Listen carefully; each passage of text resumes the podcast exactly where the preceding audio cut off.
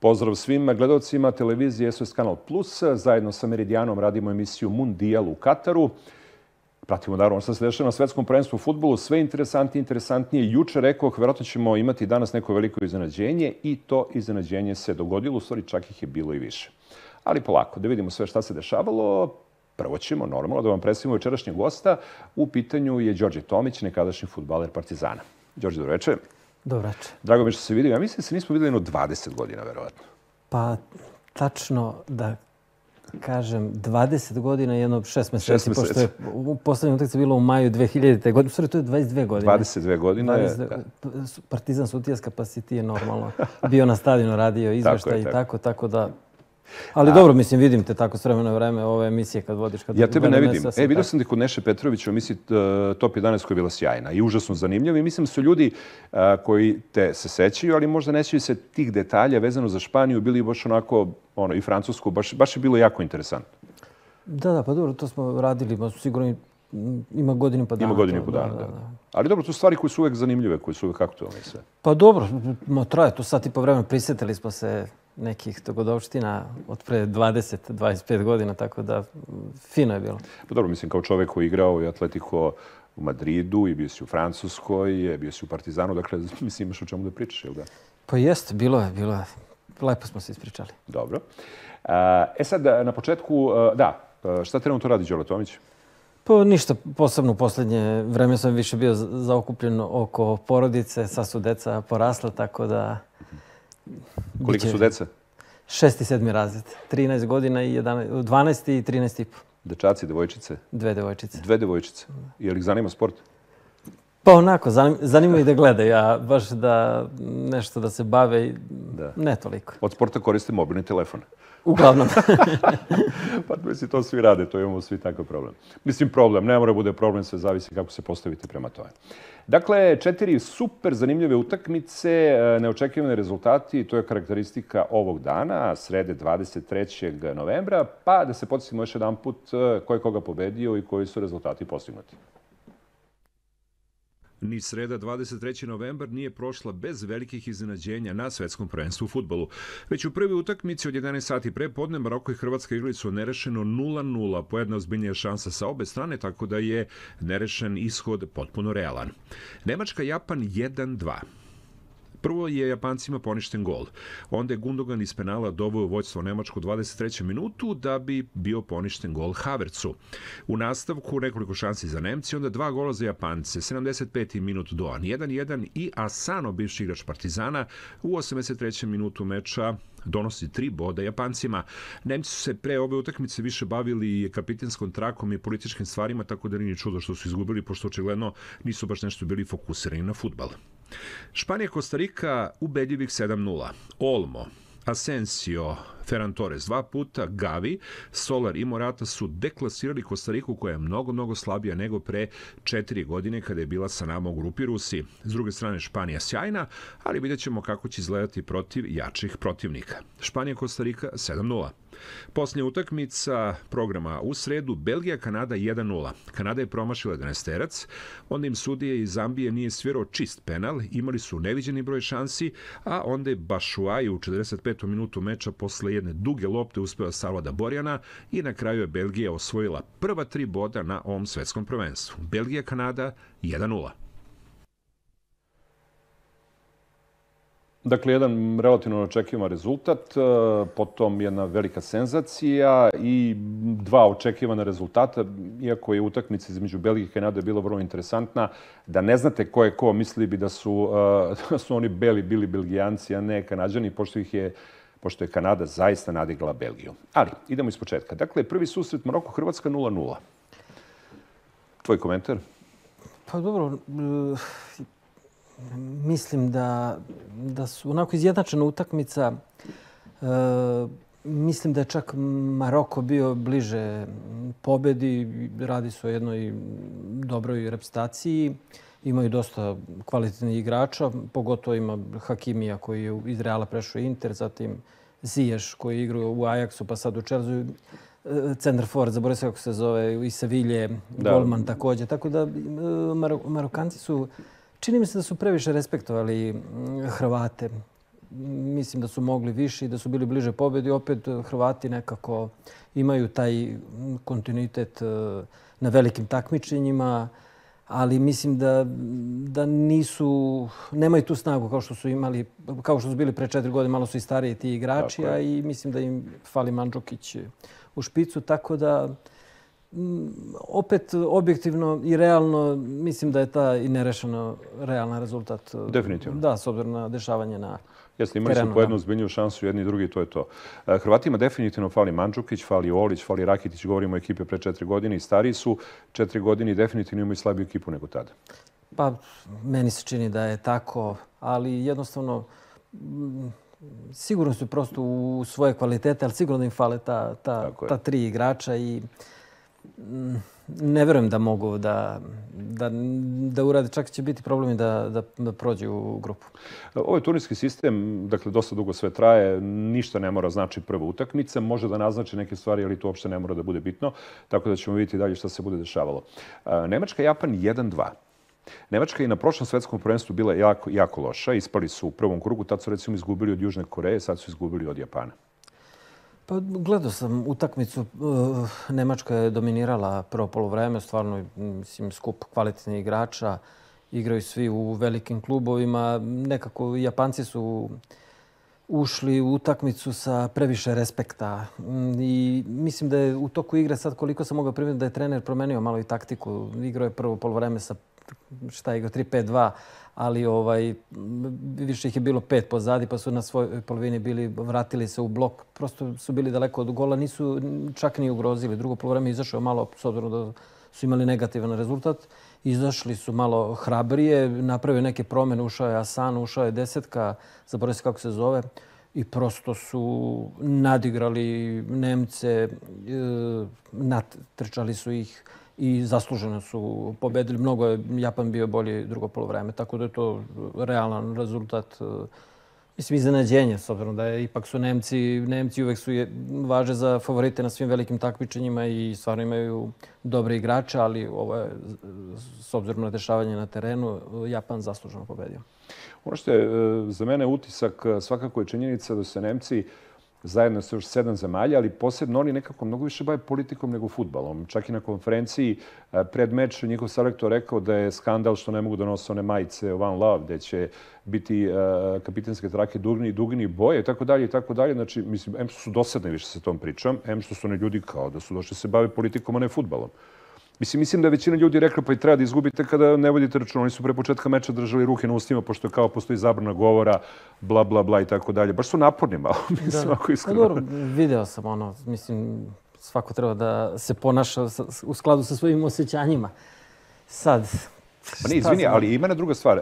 ukoliko ste već toliko podržavate tu akciju, pa što lepo niste stavili tu kapitensku traku i dobili žuti karton, mislim, u čemu je problem? Nego čim je neki problem, onda kao, kao povlačimo se, a držimo pridike drugim i tako dalje. Pa dobro, vratno su hrabri dok ne osjete da je, da je, je. tvrda. Mislim, sad se spominjalo kao da i Belgija isto kao neće izaći na teren ako ne promene dresove i, i tako isto. Baš bi bili tužni ovi drugi sve što da, ne bi izašli. Da. Dobro. Ne, mora se to pomenem, pošto to je tematika koja se već mesecima se na sva usta ovaj, forsira i stvarno već postoje dosadno. Mislim, aj malo se bavimo futbalom.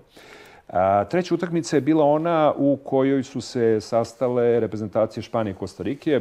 Čak neverovatno visoka pobjeda Španaca. Kostarika je bila sjajna pre četiri godine, ali promjena generacija, četiri godine su stariji i ovaj siroti Navas da. ništa nije uspio da uhvati. Da, da, Keller Navas nije mogao ništa da uhvati. Španci su se ispucali, samo da, da, da ne bude to da su tempirali formu pre vremena.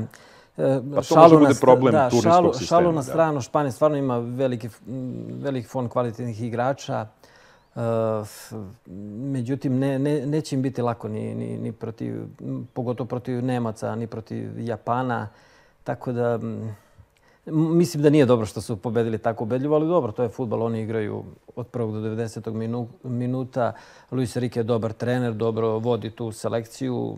Igraju igraju agresivno, s posedom velikim, jednostavno e, kvalitetne repstacije, ali mislim da će imati problema kad dođu da igraju protiv nekih e, reprezentacija tipa Engleske koje su fizički, čak i proti Nemaca će imati Već u problema. sledećem kolu igraju da, Nemačka Španija. Da, tako, koji su fizički, recimo, mm, jači od njih. Mislim da će imati problema, ali dobro, ovo malo 7-0 m, prevelik e, rezultat. Prosto mi žao Kostarike koja je na prošlom svetskom predstavu u Rusiji igrala e, lep futbal. Jest. Ali Pa šta dobro, šta da radi, radimo. Mislim, e, gol razlika se kada su takmičenje FIFA gleda, ne međusobni skor, tako da će im to naravno puno značiti ukoliko budu imali Sibiri bodova sa nekom drugom reprezentacijom. A već u narednom kolu a, je veliki derbi između Nemačke i Španije. Posljednji duel koji je odigran u sredu uveče je susret između Belgije i Kanade. Kanada neverovatna, izašli su visoko, Belgija nije mogla pređe centar, Promašili su penal, to je Courtois je odbrani, on im sudija nije svirao drugi penal, kaže da je bio još jedan penal, ja to nisam video, nisam baš pažljivo gledao, imali su puno prilika i onda je jedan prilično ovako bezvezan gol, 1-0 za Belgiju i to bi bilo to. Da. Pa gledao sam, gledao sam ovaj... e, Kanadjani su mnogo, mnogo bolji bili u prvom poluvremenu. Stvarno su igrali dobro, kontrolisali igru, stvarali šanse i veoma lako dolazili Izuzetno. lako. u šesterac, tako da jednostavno morali su iskoristiti te šanse i taj penal jako je loše. Davis beš ovaj iz, Reala, Jeste, iz, iz, eh, Bayerna, Bayerna. da, jako loše e, izveo penal, to za Kurtu nije, nije bio problem naravno. Ali šteta za Kanadu, barem bod da su izvukli, pa a i taj go pro, e, prosto mnogo je naivan. Taj go na ovom nivou svetskog prvenstva, dubinska lopta 50, 50 metara, metara, koja mislim. putuje i centar half da zakasni onako. I još je ovaj drugi ne pravi korekciju, jednostavno. Dobro, Tako, zato, zato da, su tako- Kanada, mislim. Pa jesu, ali stvarno su, mnogo su dobro izgledali. Tako Jeste, da, jeste, eto, šteta što barem nerešeno nisu izvukli, ali dobro, ima još dve utakmice. Izjednačena je grupa, to je... Biće tu dobrih utakmica i sve je otvoreno. Biće zanimljivo. A, da li ćeš možda ići u Katar? Ne. Što? Pa, Ja znam jedno 2000 ljudi odavde koji idu tamo. ne, zaista. Ne, ne volim mnogo iskreno ti kažem ni da, ni da putujem, a i imam drugih obaveza, tako da Tako da ništa. To. ma ni u planu mi nije bilo, ali tu smo pokraj malih ekrana da gledamo dobar futbol i da navijamo za našu selekciju. Apsolutno. A, naši reporteri nalaze se na licu mesta u Kataru i sada ćemo od Ognjena Radivojevića čuti šta i kako se treba ponašati kada dođete tamo. U stvari, a, šta vas čeka, to jest šta je tačno, šta nije tačno od priča koje su vezane za mm, pravila u Kataru. Poštovani gledaoci, javljamo se iz prelepe Dohe sa Korniša, odnosno jednog lepog šetališta kraj mora. Ono što je važno je to da smo u Dohi već četiri dana, te smo uspeli da pokupimo neke prilično važne informacije za navijače Srbije koji će doći da bodre Srbiju na svetskom prvenstvu u Kataru. E, Puno je bilo informacija, mnoge od njih su pogrešne, mnoge su tačne. Šta možete da očekujete u Dohi, šta možete da očekujete na svetskom prvenstvu u futbolu? Pa da počnemo od možda i najvažnijih stvari s obzirom da je velika vrućina. E, Puno je bilo informacija da je zabranjeno nositi šorceve, da je zabranjeno nositi bermude, da je zabranjeno nositi za devojke suknje. Međutim, ono što vidimo na licu mesta je da to uopšte nije istina. Dakle, većina navijača, nismo mogli da ne primetimo i engleske navijače, i argentinke, i ostale, naravno, narode i nacije, svi su u šorcevima, svi su u bermudama, zaista vrućina je velika, 29-30 stepeni i potpuno je okej, dakle, da dođete i u majicama kratkih rukava, šorcevima, bermudama, niko vam neće zbog toga praviti problem. Sledeća stvar na koju je važno obratiti pažnju je dakle vrućina. Preko dana zaista jeste vruće, oko 25-30 stepeni. Međutim, ono što, što možda niste očekivali, na što niste spremni je to da mrak pada već u 5 časova, što znači da e, oko 7, 8, 9, 10 uveče, a recimo utakmica Srbije protiv Brazila i utakmica Srbije protiv Švajcarske počinju u 10 časova uveče po lokalnom vremenu, umeju da budu ne hladni, ali pomalo prohladni. Dakle, temperatura je 20 stepeni u to doba, međutim, vetar koji duva ume da bude onako prilično nezgodan, tako da se preporučuje, eto moja je preporuka da ponesete i neki duks ili nešto, dakle, dugih rukava, da vam ne bi u tim večernjim časovima bilo hladno. Sledeća stvar koja je veoma važna je sam dolazak u Dohu. Iako je i tu bilo informacija da su redovi ogromni, da se jako dugo čeka, da se prođe kroz pasošku kontrolu, za sada smo se uverili da to i nije istina. Generalno sve to brzo ide, puno je i volontera, puno je zaposlenih, puno je i takozvanih kapija, gejtova kroz koje možete da prođete, pa i sami da očitate svoj pasoš, dakle ne morate fizički da prolazite kroz pasošku kontrolu, tako da generalno zaista sve ide jako brzo i već za nekih pola sata, sat nakon sletanja možete da očekujete da se nađete na ulicama Dohe. Ono što vratno zanima e, navijače Srbije, a pre svega navijačice, je odnos prema ženama u ovoj zemlji Bliskog istoka. Ono što smo se uverili je da su svi zaista izuzetno kulturni. Katar je e, u top 15 zemalja na svetu po bezbednosti žena na njihovim ulicama. Dakle, čak i ako ste sama navijačica koja se uputila u Katar, potpuno je bezbedno da i noću šetate ulicama Katara, ne postoji šansa da vam se išta loše desi. E, simpatično je, opet možda to malo i utiče, e, možda malo i negativan utisak e, da navijači, pogotovo zemalja kao što je Saudijska Arabija ili, ili lokalni Katarci, vole da priđu ženama i da ih zamole za sliku, pogotovo naravno lepim ženama i to čak i kada su one na, ispred stadiona recimo sa muževima ili sa svojim momcima, oni prilično kulturno priđu poštovanje, da li bismo mogli možda da se slikamo sa vama, uh, bez ikakvih provokacija, bez ikakvih uh, loših namera da tako kažemo, ali eto, očigledno da su im lepe žene ovde prilična atrakcija. Dakle, još jednom da napomenem, prilično su kulturni, puno je ovde radnika sa strane Indijaca, Nepalaca, Bangladežana, koji su uglavnom rade kao uh, vozači taksija, rade i u prodavnicama, oni su jako kulturni i uh, sa poštovanjem se obraćaju i pokušavaju da vam pomognu uh, oko svakog problema na koji možda možete naići dolazimo do još jedne važne informacije, a to je sam dolazak na stadion. Dakle, e, da biste prišli stadionu, e, potrebno je da krenete dosta ranije. Prevoz je solidno organizovan, postoji metro linije, postoje autobusi, Uber je prilično jeftin za srpske uslove, naravno, a kažu da je bio i dosta jeftiniji pre nego što je počelo svetsko prvenstvo. Međutim, i sada su cene prilično korektne, ali s obzirom da su svi stadioni u Dohi i na periferiji Dohe, jako je važno da krenete na vreme na utakmicu. Dakle, sigurno 3 sata ranije krenite na utakmicu ako dolazite metrom ili autobusima, a bar 2,5 sata ranije ako dolazite Uberom, odnosno taksijem. Zašto? Zato što Uber ne može da vas ostavi ispred stadiona. Uber može da vas ostavi na 20 minuta peške od stadiona. Dakle, imaćete ozbiljan put da prepešačite. Takođe, metro staje e, ne baš ispred stadiona, već takođe ćete imati 15-20 minuta od metroa da ispešačite krenite na vreme, naoružajte se strpljenjem, uživajte. Dakle, još jednom da napomenemo, to su neke informacije e, vezano za trenutnu situaciju što se tiče navijača u Kataru. Ako imate bilo kakvih dodatnih pitanja, pišite u komentarima, mi ćemo se potruditi što pre da i na ta pitanja odgovorimo. E, to je sve dakle za sada što bi navijači Srbije trebalo da znaju o Kataru. Dođite i da vodimo Srbiju do pobeda. E, hvala vam na pažnji i ponavljam još jednom napišite u komentarima ako imate bilo kakvih dodatnih pitanja ili vas zanima nešto dodatno vezano za e, turiste u Dohi trenutno. Naši reporteri stalno se javljaju iz Katara, uvek imaju interesantne informacije, tako da očekujemo da nam se jave i sutra pred utakmicu između Brazila i Srbije da nam kažu kakva je atmosfera u našem taboru i generalno među navijačima, pošto oni momci uglavnom e, prate te stvari koje su van stadiona i koje su takođe vrlo interesantne.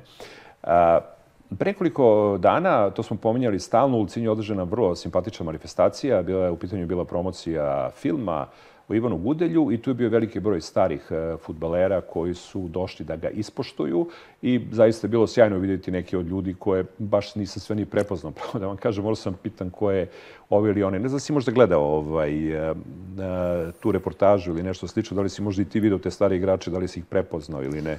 Pa, rekao, video sam te, o, baš nekad kad pogledam tako SOS, kanal, pa ovaj, vidim tako te tvoje intervjue sa tim bivšim igračima i tu, ne znam tačno koji igrač bio, ali nešto sam video. Što se tiče Gudelja, ono, izađe s vremena vremena da. te njegove knjige i to dešavanje, pa... A imam i druga Mikloša Bognara koji je dobar sa, sa Gudeljom, pa onda me i on informiše i tako prave neke neka druženja i to je to. Inače, Ivan Gudelj je legenda jugoslovenskog futbala, znači na centar šut Vladimira Petrović Pižona protiv Španije 1-0 smo poveli. I seća se Ivana Gudelje i te Hajdukove generacije. Imali su strašan tim da je Ivan Gudelj možda bio i najkvalitetniji igrač jer je stativa standardan. I kad je dobio žuticu, kad se razboleo, ja znam toliko toliko mi je žao bilo i teško kao ono kao Ivan Gudelj prekida fudbala da igra. Sad ne znam da li bila neka 84. 5. godina. 86. 86. eto vidiš da. Tako da... Inače, već imamo potpisan ugovor sa Realom. Da, da, ma ne, oni... Jel to što je on igrao tada, to ma, danas to pokušavaju da igraju? Ne, ne, ma, ne, pa to je teško da ima. Mislim, evo, ne znam, mislim, Hrvatska je bila druga na svetu i treća, ali objektivno kao Gudelj, on je ono... Mislim, u nivou naj, najboljih igrača tada u Jugoslaviji. Mislim, Absolut. i u toj reprezentaciji 82. na svetskom predstavu u Španiji. Mislim, uz, uz Nenada Stojkovića, Šestića, uh, Zajeca, Šurjaka mislim, bio glavni igrač, yes. a možda bio i najmlađi, mislim, ne mogu ne, sad bio da... sigurno najmlađi, da. Pa eto, vidiš, tako da, znači, Ivan Gudelj, legenda. Apsolutno. E sad, e, stalno puštamo e, izjave neki od, e, nekih od starijih igrača, šta očekuje od svetskog prvenstva, šta očekuje od reprezentacije Srbije. Tako da ćemo sada čuti šta o tome misli Miodrag Kustudić, nekadašnji futbaler Rijeke i Vladimir Jocić, nekadašnji futbaler Partizana. Kažite mi šta mislite ko je najveći favorit da osvoji titulu? Ja mislim da, da su Brazil i Francuska. Francuzi su i Brazilci su. Ali mislim da, će, da ćemo mi proći prvi krug i sad zavisi šta će biti, ali mislim da ćemo proći. Ali mislim da smo propustili, propustili u, u Africi veliku šansu kada je pokojni Antić bio. Imali smo, sve, sve nas je bilo složilo i nismo ovaj, nismo prošli dalje. Pa izgleda sad, e, e, Stojković je poznat kao ovako harizmatičan i ima malo sreće. U nekim stvarima nije imao sreće u karijeri, u nekima možda čak i ima, pored evidentnog znanja koje ima, jel da? Pa ima on je, mislim da je on sada, što je došao, napravio kult. Trebamo da imamo kult reprezentacije. Hrvati su napravili kult. Čiro im je napravio i bili treći na svetskom prvenstvu u Francusku. I oni imaju kult, a mi nema, nismo imali kult. I nada se da će to sad drugo vreme doći za, za Srbiju. Jeste.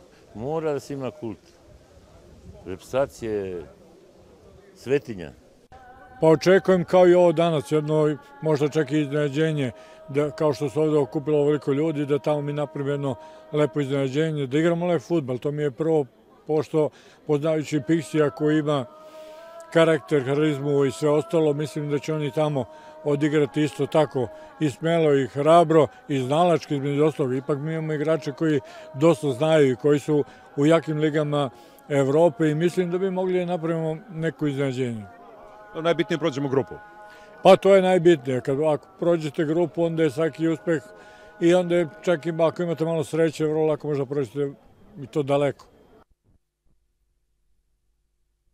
Čuli ste dakle Kustudića i čuli ste Jocića. Gost u našem studiju je Đorđe Tomić, nekadašnji futboler Partizana. I da krenemo sa utakmicama koje se igraju 24. Jedva smo dočekali taj dan, jer se tog dana igraju utakmice i u grupi G ili G, kako želite, u kojoj se mi nalazimo. Dakle, prvi susret od 11 sati pre podne je duel između Švajcarske i Kamerona. Pravo ti kažem, jedva čekam da vidim kako igra Kamerun. Ono što sam gledao na Afričkom kupu nacija, to je bilo baš onako bez veze. E, znamo od prika kako igra Švajcarska, ali mislim ovo je potpuno druga priča sad i očekujem da potpuno drugi nastup ekipe koju vodi Rigobert Song, on im je selektor. Da, Šta ti da. očekuješ? Rigobert Song, on je igrao u Mecu, bio dobar igrač, Jeste, centar half igrao je za da.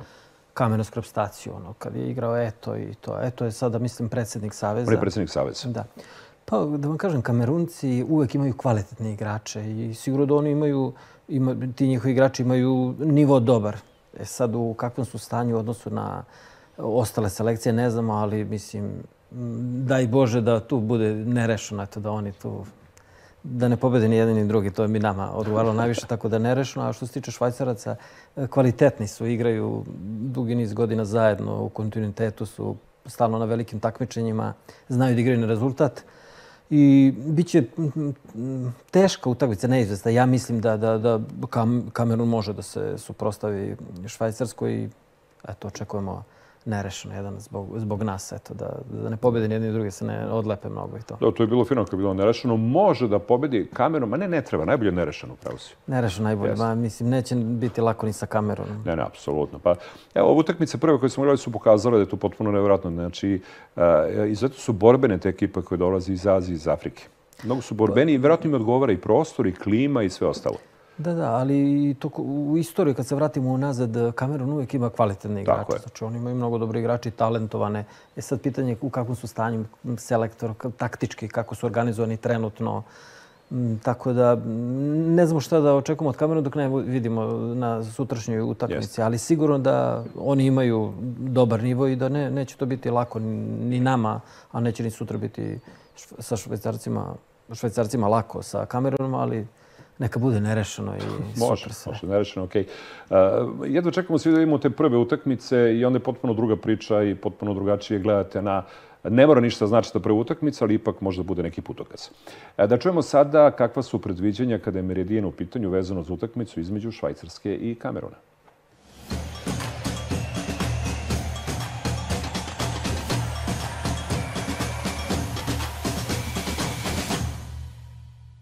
Najinteresantniji mečevi na ovom svetskom prvenstvu, naravno da su oni u kojoj se nalazi Srbija, dakle u pitanju je grupa G i e, prvi duel ove grupe susret između Švajcarske i Kameruna.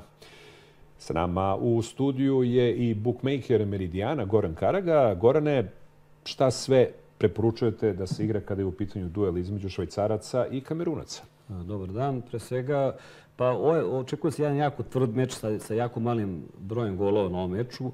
Ono što bi, što bi recimo naši igrači možda volili da igraju vezano su duple opklade za nerešen ishod i eventualnu pobjedu Kamerona. To bi onako navijački mogli da odigramo, recimo x2 je od 0 do 2 ili x2 2 do 3 gola.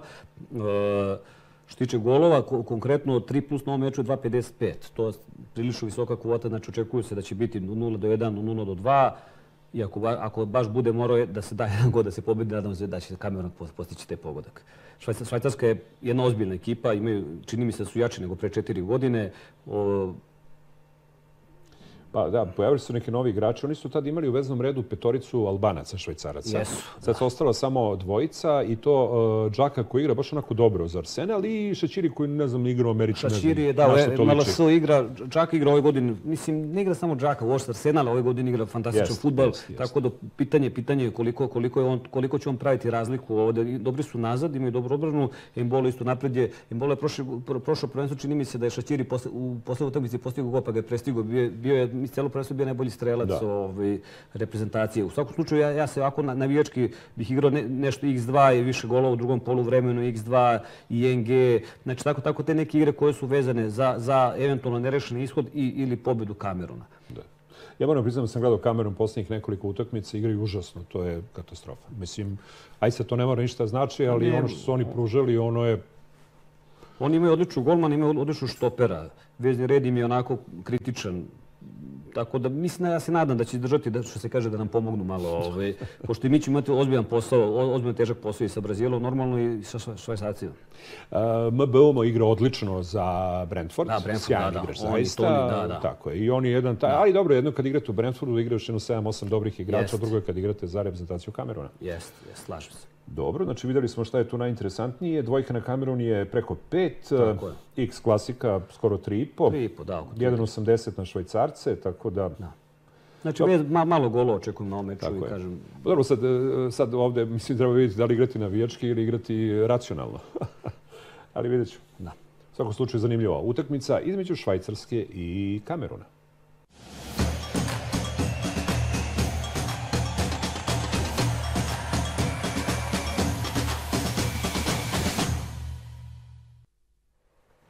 U 11 sati igraju Švajcarska Kamerun, a e, sutra se igraju i utakmice ili u četvrtak, u zavisnosti kada gledate ovu emisiju, da li uživo ili u reprizi, igraju se utakmice grupe H i prvi duel je onaj između Urugvaja i Južne Koreje.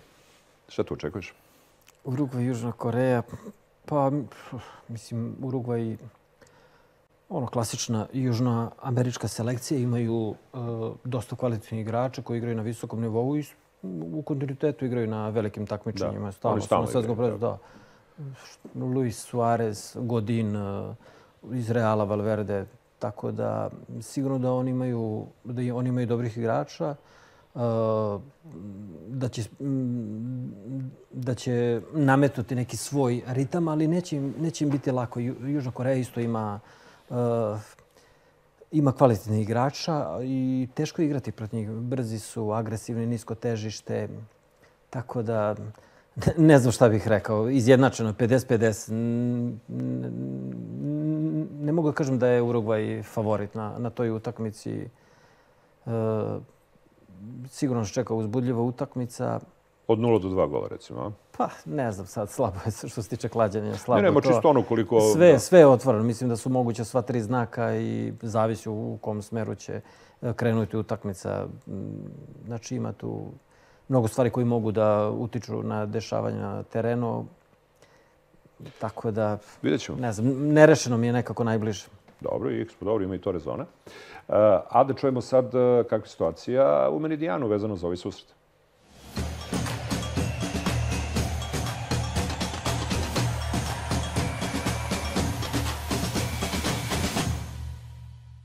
Prvi duel grupe H na ovom svetskom prvenstvu je susret između reprezentacija Urugvaja i Južne Koreje. Urugvaj koji redovno igra na svetskom prvenstvu i bogam Južna Koreja koja je takođe vezala već ne znam koji, koji po redu učešće na uh, svetskom kupu. Uh, Goran Karaga, bookmaker uh, Meridijana je sa nama u studiju. Gorane, dobar dan. Dobar dan. Urugvaj i Južna Koreja. Suarez je omatorio maksimalno. Jeste i oni Cavani, dobro imaju Darwin Nuneza, Nuneza u špicu, imaju Valverdea, znači imaju par, par onako i mladih snaga, izrazito kvalitete. Ja očekujem da će Urugvaj ići oni su krštili s nama da će ići daleko na, ovom prvenstvu. Ovaj, vidim ih sigurno u eliminacijnoj fazi. Sad zavisi da, na koga će na, na, naići ako naiđu do nas, tu, tu, tu će im se i put završiti. Ovaj, šalu na stranu, imaju, imaju par, par mladih tih kvalitetnih igrača. Imaju, Valverde je prošlu sezonu odigrao fan, fantastično. E, Darwin, Darwin se tek sada pronašao Imao jako, jako težak start u premier ligi, napravio glupost, dobio crveni karton.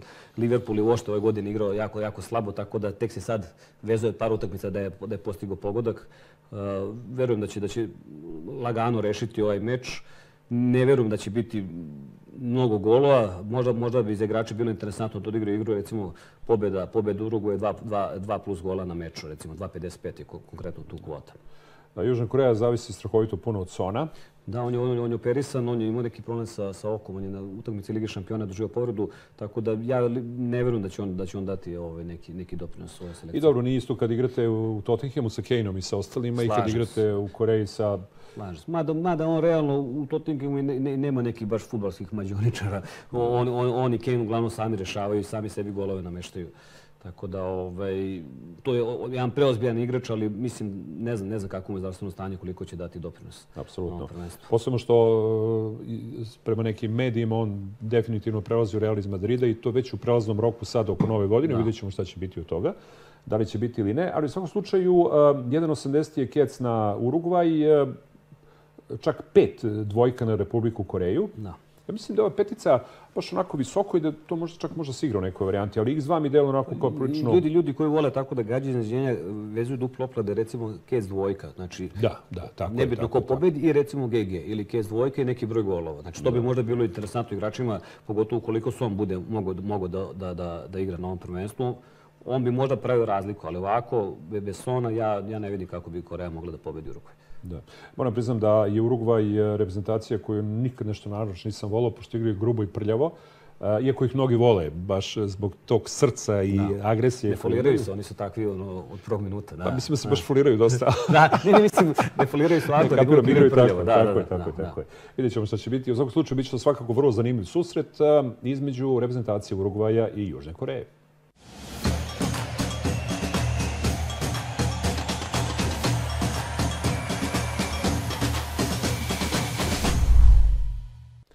Mundijal u Kataru, naš gost je Đorđe Tomić. E, Još dve utakmice se igraju u četvrtak, e, 24. novembra, od 17 sati Portugalija-Gana.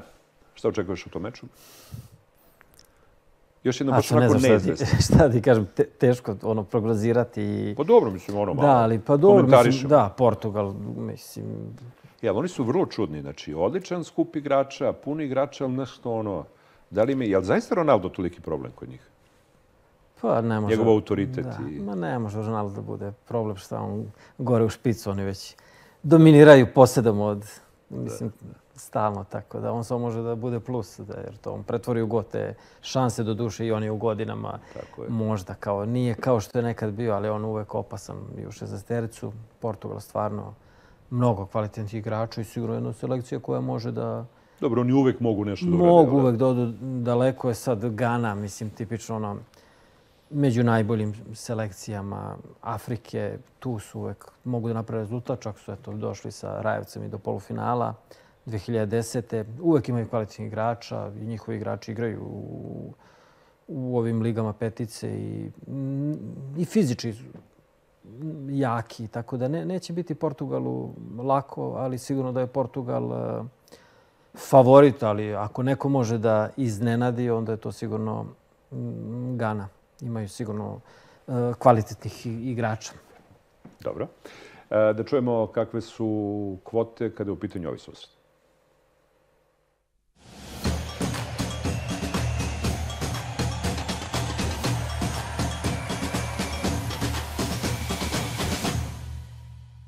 Pretposlednja utakmica prvog kola u svim grupama na svetskom prvenstvu u Kataru je duel između Portugalije i Gane.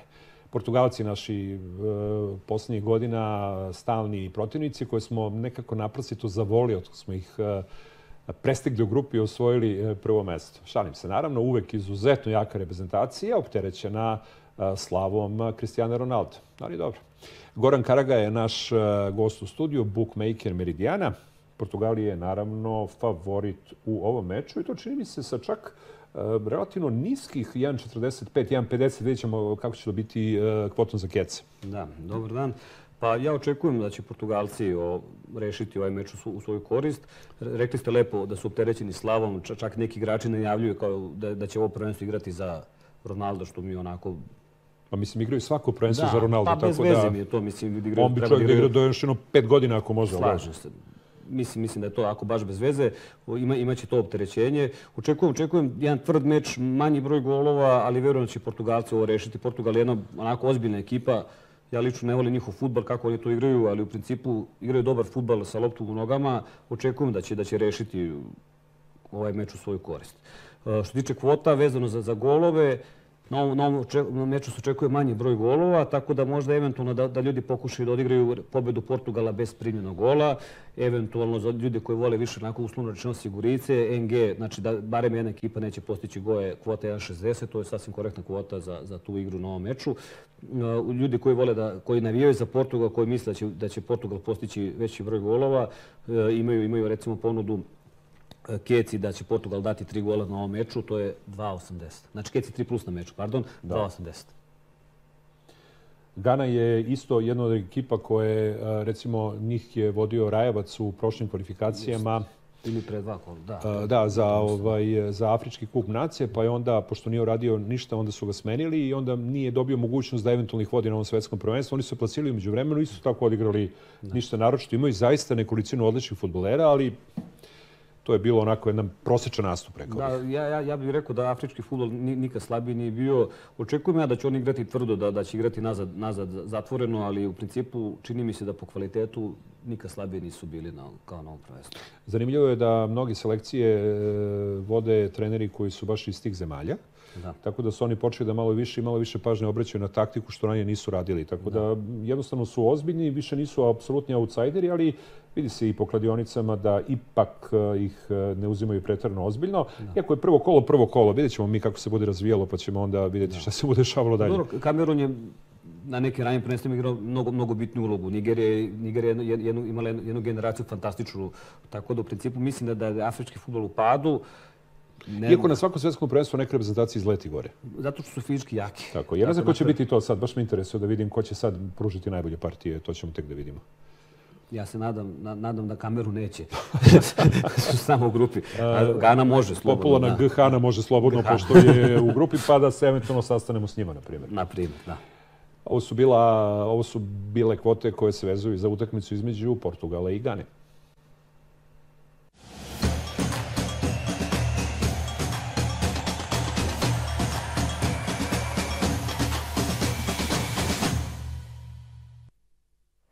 I dođo smo do posljednje utakmice u četvrtak uveč u 20 sati, ono što svi čekamo sa nestrpljenjem, bez obzira što utakmica nije odlučujuća, ali što reče neko od e, sagovornika, svaka utakmica je bitna. Dakle, Brazil, Srbija. E, sada te čujem. Pa dobro, mislim, eto. Svetsko prvenstvo igramo sa Brazilom prvu utakmicu, pa... I to ne znam ne... koji put više u istoriji. Da, pa kuda i u Rusiji isto, da. Slična grupa, ali lepo, lepo je to. Mislim, sigurno ti igrači su sanjali da igraju na svetskom prvenstvu i da igraju protiv tih najvećih selekcija. Brazil je, da ne kažem najveća, ali ajde, među tri sigurno i najviše titula imaju tako, šest, tako je, šest tako titula je, tako imaju. Je.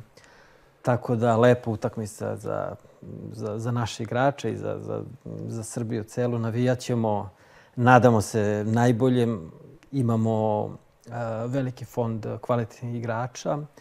Čak odavno nismo imali takvu grupu od e, tako 26 u ovom slučaju igrača koji igraju na visokom nivou, u kontinuitetu igraju već koliko god oni nisu mnogo nemaju mnogo godina, ali sigurno svi igraju po 3, 4, 5 godina na visokom nivou u velikim klubovima, pa čak i ovi igrači što igraju i u nekim, pod znacima navodnicima, manjim klubova kao Torino, tako što igraju da, Lukić i Radonjić da, da. ili u Hetafeu Mitrović i Maksimović, ali... To su oni, jake lige, mislim. Jake su lige, tako da su oni naviknuti na dobre utakmice, na, na kvalitetne protivnike, na vrhunske igrače. Tako da m, imamo kvalitet, imamo m, imamo kontinuitet dobrih igara sa dosta utakmica koje smo rešili u našom korist. Imaju samopouzdanje, ima, imaju selektora koji je jedno od najvećih imena jugoslovenskog, srpsko-crnogorskog i srpskog futbala, koji ih je ubedio da mogu sve i ako smo mi pobedili Portugal u, u Portugalu, zašto ne bi pobedili Brazil, jer koliko god je Brazil kvalitetan, Nisam baš siguran da je u ovom trenutku Brazil kvalitetniji od Portugala što se tiče igračkog kadra. Tako da ubeđen sam da nećemo izgubiti sutra i nadam se, nadam se, nadam se najbolje, zašto ne i da, da pobedimo. Vidjet ćemo. Zaista je situacija vrlo interesantna imajući u vidu da Da se ne lažemo, redko koje očekivo ćemo dobiti Portugaliju prošle godine, pa smo dobili, tako da je očigledno sve moguće. Ajde se da čujemo i kakve su kvote kada je u pitanju duel između Brazila i Srbije.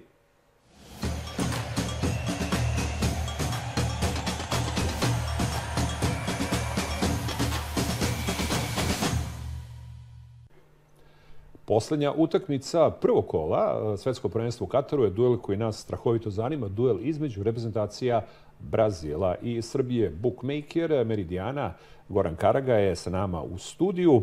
Imaćete priliku zajedno sa njim da stalno vidite šta se sve nudi kada su kvote u pitanju, što se možete da igrate kada je u pitanju Meridijane, kada je u pitanju svetsko prvenstvo u futbolu. I eto tako, dođo smo do utakmice u kojoj je Brazil uh, favorit. Mislim, normalno, da. oni su uvek favoriti gde no, god da se pojave. Oni su prvi favorit za sladnje prvenstvo, da. Tako je, tako je. Uh, ja, ja u ovom meču pravo kažem, očekujem jedan praznik futbala. Očekujem da se mi onako kako da kažem, potučemo sa njima, da, da im pokažemo srce. E, očekujem dosta golova. Očekujem da će obe ekipe postići barem po jedan gol. Uh, za ljude koji, koji onako više vole to navijačke da odigraju, 7,60 je kvota na Srbiju, to je prilično visoka kvota. Ja, ja, lično, ja lično bih ovde, očekujem dosta golova, očekujem da, da ćemo mi postići barem jedan gol na meču. Uh, za naše igrače bi bilo možda interesantno i igre vezane za GG, da će obe ekipe postići go. GG 2 do 3 je 3,75, GG 2 do 4 je 2,63, recimo. Da. U svakom slučaju, ostali su nam dužni sa prošlog prvenstva. Prošlo prvenstvo rutinirali 2-0, čini mi se bilo. To sam teo da kažem. Da. Nekako su nas baš onako lagano dobili. Lagano su nas dobili, a do duše, do, do, do, ekipa im se dosta promenila dosta Kutinjo je prošle, put igrao, Paulinho je dao gol, ako se ne varam. O, sad, su, sad su onako možda malo mlađi, tu je Gabriel Žezus, on je bio prošle godine, prošle, prošle prvenstvo, bio je Neymar, oko njih će se vrtiti u napadu. E, ja, ja, ja mislim da mi, u principu, ne samo sa njemu, ja mislim da mi sad imamo mogućnosti da igramo sa svima ovaj futbal, pošto imamo, za, za razliku od prethodne godine, mi smo, pre smo se uvek lažno busali u grudi, imali smo kvalitet, ali nikad nismo imali srce da, da pokažemo na, na prvenstvu, na, na, velikom, na velikoj pozornici, da, da imamo zaista ozbiljan kvalitet. Pixi nam je usadio taj neki pobjedički gen, ja mislim da će se to već vidjeti na, na prvom meču, da možda eventualno naprave neko ozbiljno iznenađenje protiv Brazila.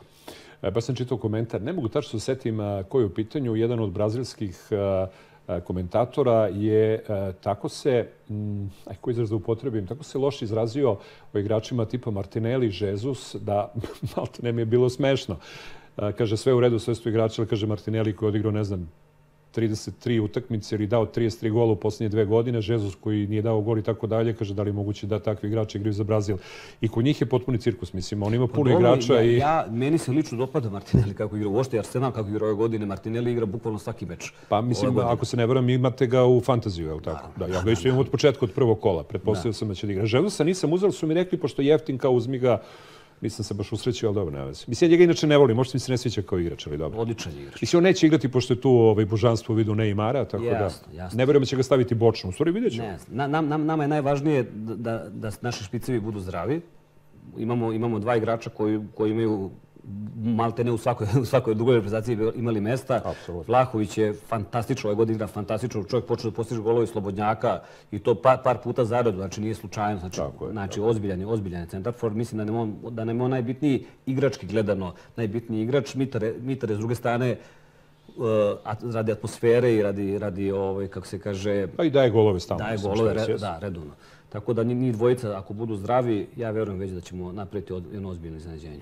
Pa dobro, mislim, ko hoće da, ovaj, ko hoće da iskoristi ovu neverovatnu kvotu na Srbiju od 7,60, u ovom trenutku vidjet ćemo da li će tu još nešto da bude plus minus, ali otprilike tako, može da proba, što da ne može da igrati neki singl čisto onako. Da, da, imaćemo, da imaćemo, bude zanimljivo. Da, imaćemo, imaćemo i, i specijal meč za to, znači konkretno samo za taj meč, da će ljudi moći eventualno da igraju, da, da će Vlaković postići gol glavom, Mitorić gol, gol glavom, Dušan Tadić gol plus asistenciju, na primjer, ili tako dalje. Pošto imamo, imamo tri igrača iza špiceva, što ja kažem, pol, pol igrača, pol asistencije. Filip Kostić ove godine fantastično se snašao u Juventusu, vezuje nekoliko asistencije zaredom na, na posljednja dva meča. Uh, Tadić igra već koliko, 7-8 godina, fantastičan futbal. Čini mi se da, da, da je ovaj, Milinković Savić konačno napravio glavu i da će konačno taj transfer koji, koji se dugo očekuje, mislim da će ići u Juventusu u januaru. Tako da mislim da, da sad zaista imamo i dobru atmosferu i dobar tim i mislim da možemo daleko da ovom prvenstvu. Ja nisam siguran da će SMS otići bilo gde iz Lacije, pošto ovaj njegov predsednik zaista traži mnogo para. To da, to I da. I tamo ponudite 100, on traži 120. Tako da, ako je to uopšte tačno, mislim, to moramo se ogradimo kada su mediji. Ali ima realan kvalitet i mislim da treba da ide u bolju ekipu, da, da bi taj kvalitet i pokazao i dokazao. Apsolutno.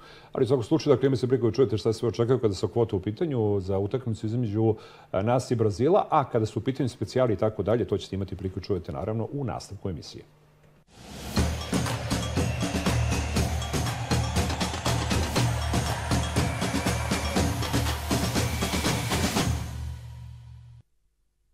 Eto, dakle, ima dosta zanimljivih stvari koje mogu da se igraju kada je u pitanju utakmica Brazil i Srbija.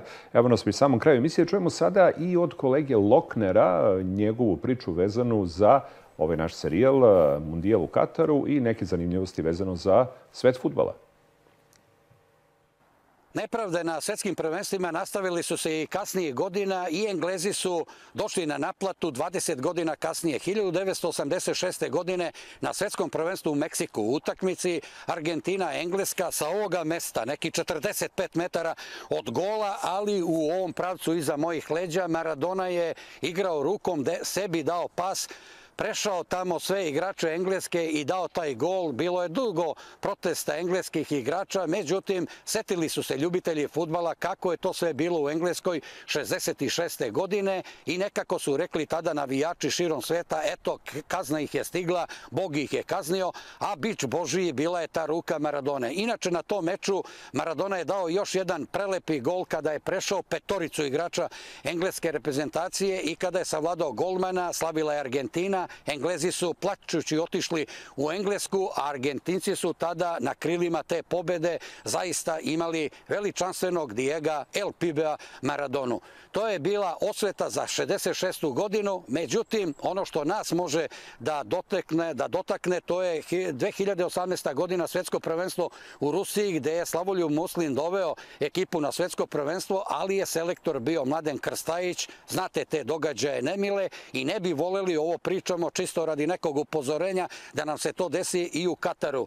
Naime, tada na utakmici protiv Švajcarske sudija Nemački nije svirao čist jedan esterac nad Mitrovićem. Mi smo izgubili utakmicu 2 prema 1 i u prvom krugu se vratili. Novinari su tada dosta toga raspredali ko je kriv za taj neuspeh, da li je selektor, da li promena u Futbolskom savezu neposredno pred odlazak. Gospodin Muslin je majestralno tu ekipu doveo do svetskog prvenstva, ali je vodio Mladen Krstajić na svetskom prvenstvu u Rusiji. Dakle, ovo bi bila neka priča da ne bi se dešavale te nepravde, a da akteri ne budu naša reprezentacija, to od srca želimo sa ovoga mesta. Inače, ovo vam pričamo na stadionu Sportskog centra Mladost u Pančevu, gde smo u posljednjem kolu bili prisutni na utakmici Prve lige Srbije, Železničar, je pobedio ekipu jedinstva sa UBA 2 prema 1, ali teren smo iskoristili kao simulaciju te priče o sudijskim nepravdama koje su i tekako kačile i našu selekciju. Imaće Loki o svojih priča, očekujem da će biti na još nekim egzotičnijim mestima, pošto je sada već mesec novembar, bit će tu i decembar, tako da će biti tu sve i svašto. Krajnjoli znate koji je njegov opus, ono što bi se reklo. E, za sam kraj, dakle, da se podsjetimo kakva je situacija u grupama E i F i šta nas očekuje 24. novembra kada su utakmice na svetskom prvenstvu u pitanju. Odigrane su obe utakmice u grupi E svetskog prvenstva u Kataru. Iznenađenje na početku, Nemačka-Japan 1-2. Nemci su pobili golom Gundogana, prethodno je poništen gol Japancima, pa je Havercu poništen gol da bi onda Doan i Asano uspeli da donesu tri boda. Selekcija Japana na prošlom svetskom prvenstvu Nemačka recimo poražena od Južne Koreje takođe 2-0 i nisu prošli prvi krug. Španija je deklasirala Kostariku sa 7-0, dva gola dao je Ferran Torres, a po jedan Olmo, Asensio, Soler, Morata i Gavi. Gavi je treći najmeđi strelac u istoriji svetskih šampionata. To automatski znači da su na prvom mestu na tabeli Španija koji ima bolju gol razliku i Japan sa po tri boda, bez bodova su selekcije Nemačke i Kostarike. U prve dve utakmice grupe F na svetskom šampionatu u Kataru videli smo samo jedan gol. Maroko i Hrvatska igrali su nerešeno bez golova sa samo dve povoljne prilike na utakmici. Mnogo više šansi bilo je u utakmici Belgija-Kanada, posebno za Kanadjane koji su promašili penal, imali nekoliko zicera, ali je na kraju Belgija preko Bašuaja postigla jedan jedini gol i pobedila sa 1-0. To znači da posle prvog kola Belgija ima tri boda, Hrvatska i Maroko po jedan, a Kanada je bez bodova. Sa nestrpljenjem očekujemo 24. novembar jer tada startuje mečevi u grupi G u kojoj se nalazi reprezentacija Srbije. U četvrtak 24. novembra od 11 sati prvo igraju Švajcarska i Kamerun. Potom slede dve utakmice grupe H, Od 14 sati Urugvaj dočekao Južnu Koreju, a od 17 sati Portugalija Ganu i onda od 20 časova ono što svi očekujemo sa nestrpljenjem, Brazil igra protiv Srbije. Želimo puno sreće našim igračima u duelu protiv Brazilaca. Eto, dakle, uskoro ćemo gledati i utakmicu, mislim uskoro, vreme brzo prolazi između Brazila i Srbije. Dakle, još jedan put za kraj, A, meni se sviđa ta pozitivna atmosfera. Mislim, uopšte više nije bitno da je to realno ili nije realno, ali kao što smo malo pre smo pričali, pa si sam rekao, Kad smo mi dobili nekog, kao Portugaliju, u završnom meču, na strani, u 90. minutu, znači očigledno da tu nešto postoji kada ova reprezentacija u pitanju. Pa da, da. To se odavno nije desilo. Mislim, ne pamtim kad se desilo. Pa ne znam, ja, ja se sjećam ono od 80. godine, ali nikad se nije desilo da u, u jednoj tako važnoj utakmici koja je imala značaj, tako ne, da se ide na svetsko prvenstvo, da je protivnik koji je dosta i bod, igramo kod njih na terenu i da mi dobijemo tu utakmicu zaista ne sjećam se, možda ranije ove generacije da, da. E, Bobek Mitić ili Šekularac Miloš Milutinović i tako da to ne znam, ali ovo od 80. godine prosto češće se dešavalo kad god smo trebali da nismo. da, da, da. A ta, eto, tada smo u Portugalu dobili utakmicu i igrali dobar futbal protiv jakog protivnika, tako da je to dobar znak. A i jasno nam govori da kvalitet posjedujemo i da Mislim, momci treba da izađu sutra, znaju oni sami. I objasnit će im i selektor sa svojim stručnim štabom, treba da uživaju i e, nemamo šta da izgubimo, možemo mnogo da dobijemo. Kako bude od, odmicala utakmica, sigurno će oni biti sve nervozniji, ipak su oni Brazil, favoriti, imaju imperativ pobede na svakoj utakmici, a opet im imamo mnogo kvalitetnih igrača koji igraju u velikim klubovima i igrali su te utakmice, mislim, šta pričati, Tadić koji, Kostić u Juventusu, Vlahović, Mitrović, sta, mislim svake nedelje igraju i to daje golove. Mislim, mi, glu, glupo je pričati, stvarno imamo kvalitet e, i još jednom moram ponoviti, ubeđen sam da, da, da, da nećemo izgubiti, a zašto ne bi i pobedili, naravno da, da, da, da i sreća nam je naravno potrebna, naravno treba da svedemo greške na minimum i selektor da spremi utak sa svojim srčnim štabom, plan A, plan B, ako oni promene taktiku u polovremenu da i mi odgovorimo na to, ali naravno treba prvo da gledamo sebe jer kvalitet posjedujemo. Nadamo se najboljim i želimo našoj selekciji svu sreću i da, da se radujemo sutra. Cela Srbija. Hvala puno. E, dakle, čuli ste našeg gosta, e, Đorđe Tomić, nekadašnji futboler Partizana. Očekujemo naravno da će naši igrači napraviti dobar rezultat. E, želi smo da pustimo u ovoj emisiji još jedan prilog. Tiče se ankete među našim građanima oko toga šta očekuju u ovoj utakmici. Međutim, pošto smo već probili termine, odjavit ćemo sada emisiju. U našem programu ćete imati priliku da vidite ovaj prilog. Dakle, još jedan put puno sreće našim futbolerima u četvrtak uveč u duelu protiv Brazila. Prijatno.